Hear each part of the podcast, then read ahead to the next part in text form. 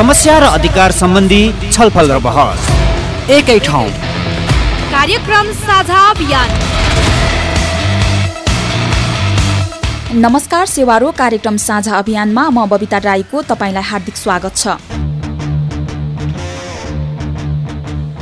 कार्यक्रम साझा अभियान एक्सन एट नेपाल र अमारको सहयोगमा सञ्चालित कोरोना भाइरस कोभिड नाइन्टिनबाट प्रभावित महिला बालबालिका दलित आदिवासी जनजाति र सीमान्तकृत समुदायमा आधारित कार्यक्रम हो। यो कार्यक्रम दलित सचेतना समाज ड्यास नेपाल तेह्रथुम देउराली सोसाइटी तेह्रथुम र रेडियो मेन्चायमको सहकार्यमा प्रस्तुत गरिएको जनचेतनामूलक पाक्षिक कार्यक्रम हो। कार्यक्रम साझा अभियान रेडियो मेन्चायम एक सय तीन थोप्लो चार मेगा हर्ज छत्तर एफएम त्रियानब्बे थोप्लो तीन मेगा हर्ज र इगल एफएम उनासय थोप्लो चार मेगा हर्जबाट यसै समयमा सुन्दै आउनु भएको छ। साथै हाम्रो अनलाइन सेवा W dot MFM dot com dot NP Hamro Patro digital Nepal र अल नेपाली एफएम लगायतका मोबाइल एप्लिकेसनबाट पनि यो कार्यक्रम तपाईँले विश्वभर प्रत्यक्ष रूपमा एकैसाथ सुनिरहनु भएको छ।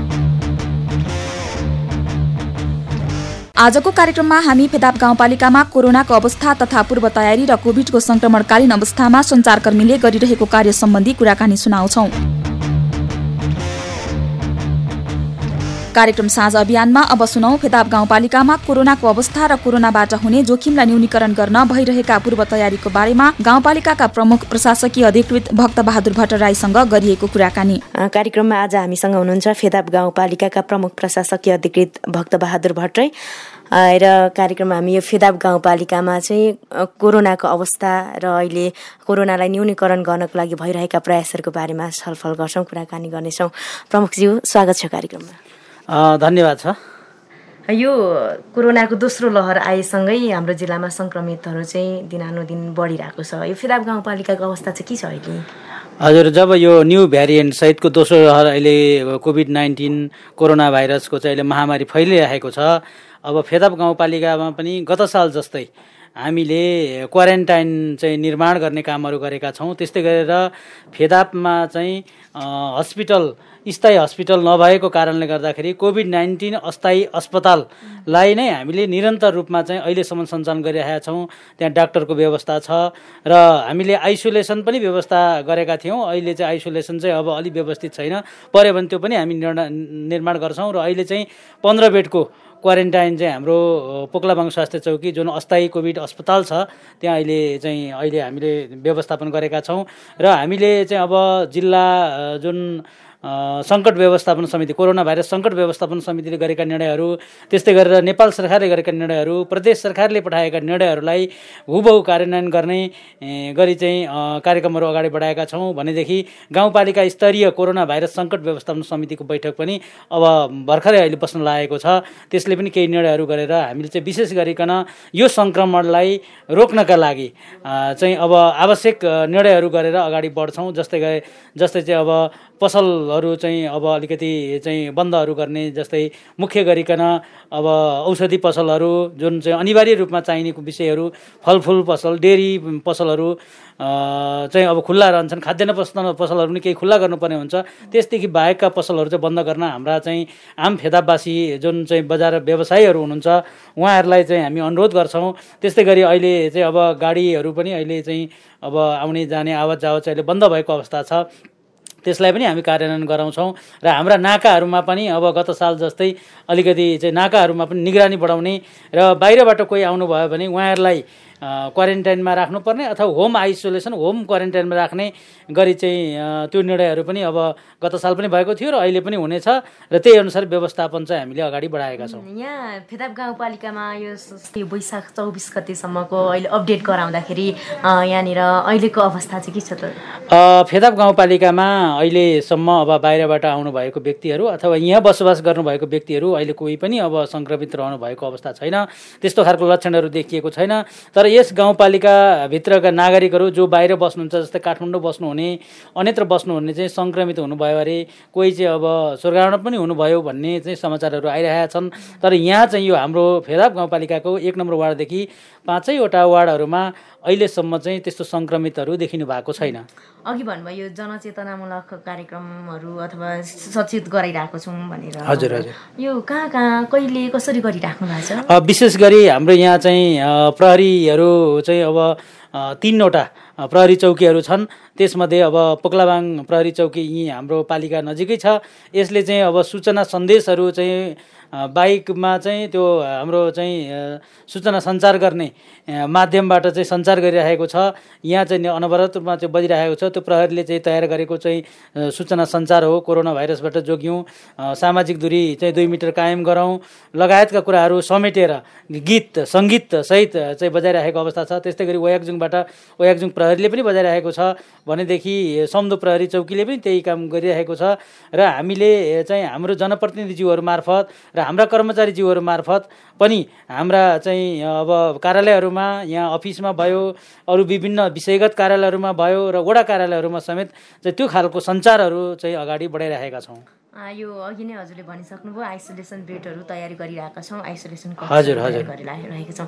अब अघिल्लो वर्षमा हेर्दा हाम्रो जिल्लामै त्यति ठुलो चाहिँ घटना नघटे पनि नेपालमा त घटेको छ हाम्रो देशमा त होइन? हिंसाका घटनाहरू जो आइसोलेसन सेन्टरमा बस्छ त्यस्ता त्यो घटनाहरूलाई चाहिँ कसरी मध्यनजर गर्नुभएको छ? विशेष गरी जो क्वारेन्टाइनमा बस्छौँ भनेर हामीले सिफारिस दियौँ बाहिरबाट उहाँहरू आउनुभयो क्वारेन्टाइनमा राख्यौँ। क्वारेन्टाइनमा राखेको भोलिपल्टदेखि हामीहरूसँगै उहाँहरू चाहिँ अलिकति नराम्रो व्यवहारहरू गर्ने पनि गर्नुभयो तथापि हामीले त्यस कुरालाई सहेर अगाडि बढायौँ किनभने अब व्यक्तिले सबैभन्दा पहिले आफू सुरक्षित हुनु खोज्छ।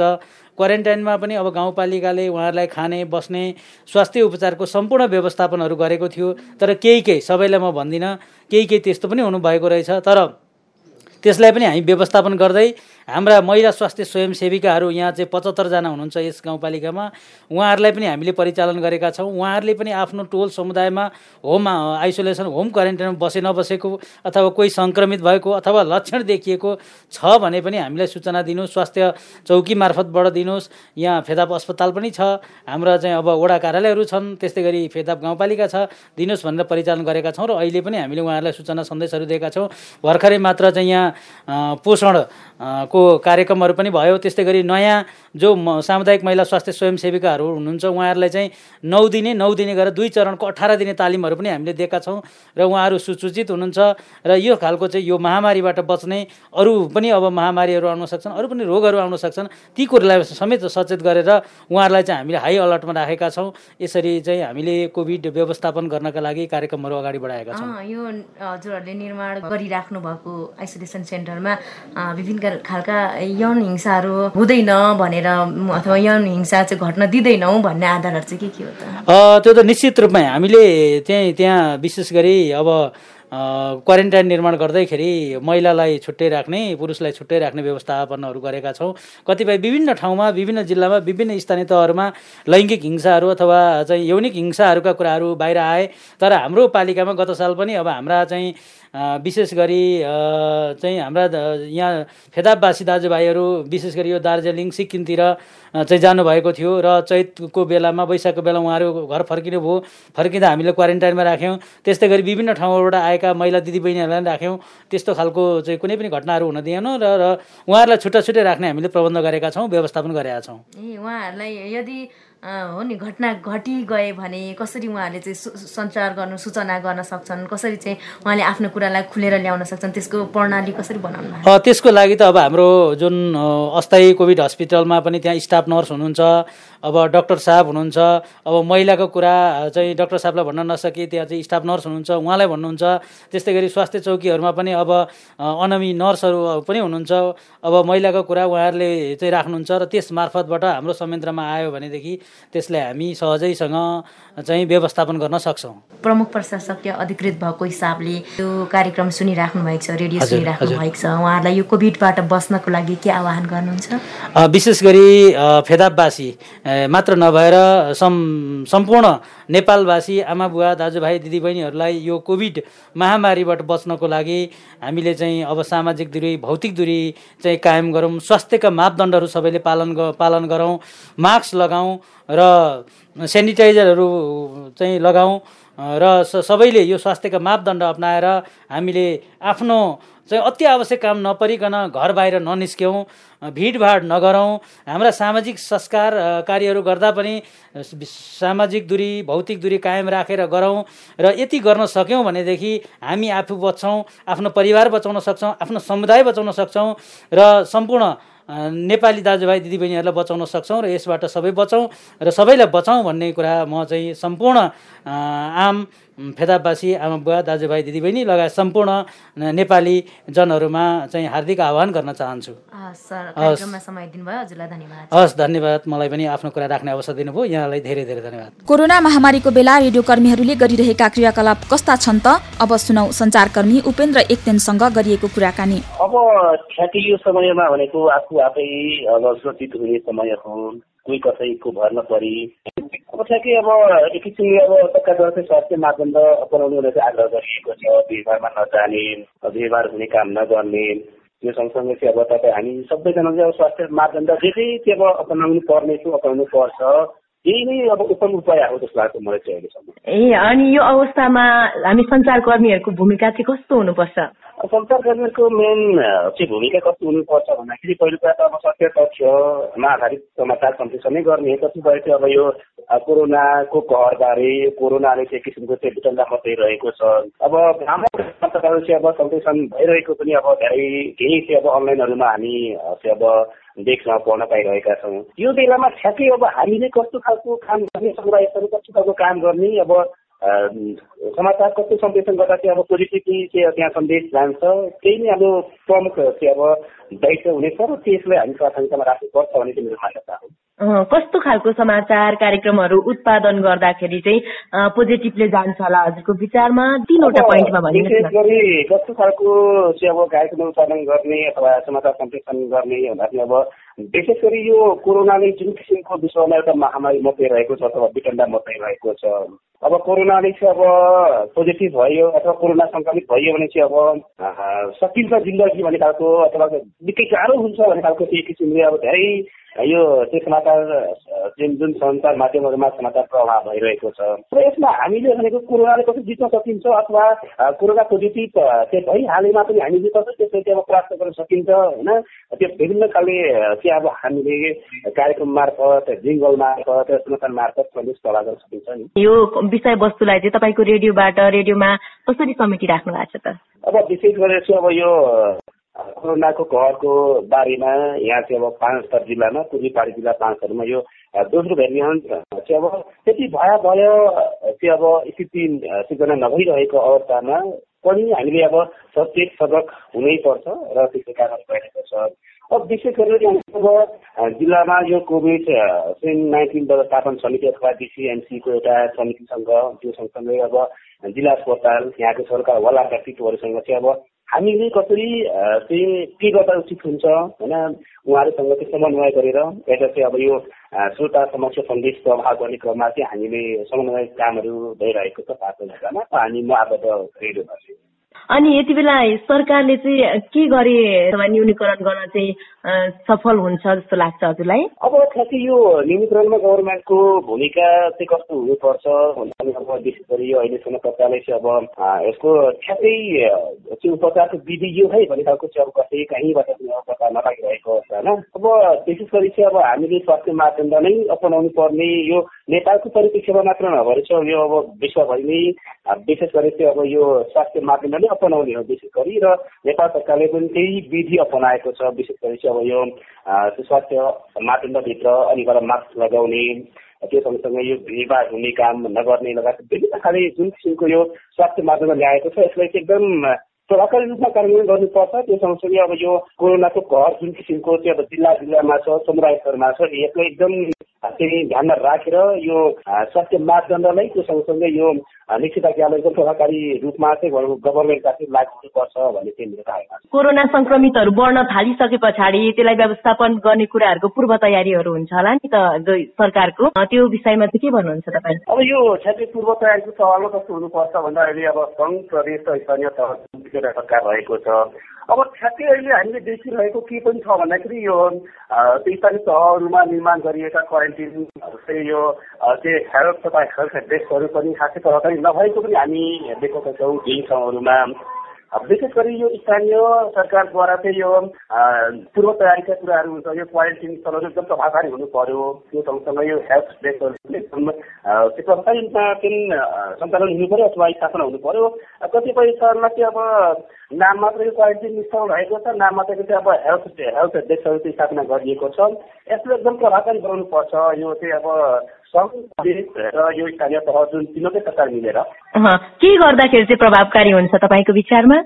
प्रभावकारी चाहिँ कसरी हुन्छ भन्दा चाहिँ अब अघि भने नि अब यो विशेष गरी अब हाम्रो यो हामीभन्दा अब हामीसँग एकदम नजिकको सरकार भनेको अब स्थानीय सरकार अथवा स्थानीय तह हो। धेरै हामी देख्न सक्छौँ यो क्वारेन्टाइन स्थल यो जुन नाका प्रवेशतिर चाहिँ स्थापना गरिएको क्वारेन्टाइन स्थल हेल्थ तथा हेल्थ डेस्कहरू नाम मात्रको छ अब स्थापना गर्ने त्यहाँ चाहिँ अब यसो अब चेकजाँच गर्ने परीक्षण गर्ने अथवा त्यहाँ चाहिँ अब बाहिरी जिल्ला अथवा बाहिर ठाउँबाट आउनेलाई चेकजाँच गर्ने जस्तो मात्र देखिएको छ। त्यो अब यसो यो अब यो विशेष गरी यो पूर्व तयारीमा सँगसँगै चाहिँ अब हामीले यो चाहिँ अब परीक्षणको दायरा पनि बढाउनु पर्छ त्यसो भयो भने चाहिँ अब कोरोनालाई चाहिँ अब रोक्नको लागि चाहिँ केही सहयोग पुग्छ भन्ने मेरो धारणा हो। यो कोभिड संक्रमण सँगसँगै त्योसँगै जोडिएर जाने यो आइसोलेसन सेन्टर प्लस क्वारेन्टिनमा हुने विभिन्न खालका हिंसाहरू छन् विभिन्न किसिमका घटनाहरू पनि छन् हुन्छन् यौन हिंसा होला होइन महिला हिंसाहरू होला त्यो हुने कुरालाई हुन नदिनको लागि चाहिँ सरकारले के गर्नुपर्छ जस्तो लाग्छ तपाईँको विचारमा? अब यो विषयमा चाहिँ मेरो धारणा के छ भन्दा पहिला अब म आफै व्यक्तिले चाहिँ अब यो गर्नु हुँदैन यस्तो यो महामारीको बेलामा यस्तो गर्नु हुँदैन भने एकदम चाहिँ दृढसँग पक्षाचार प्रतिबद्धता गराउनु पर्यो। अब केही ठाउँहरूमा यो महामारीको बेलामा विभिन्न खाले चाहिँ अब हिंसाका घटनाहरू कति रहेको पनि हाम्रो आँखा अगाडि अथवा हामीले सुन्न पाएका छौँ देख्न पाएका छौँ।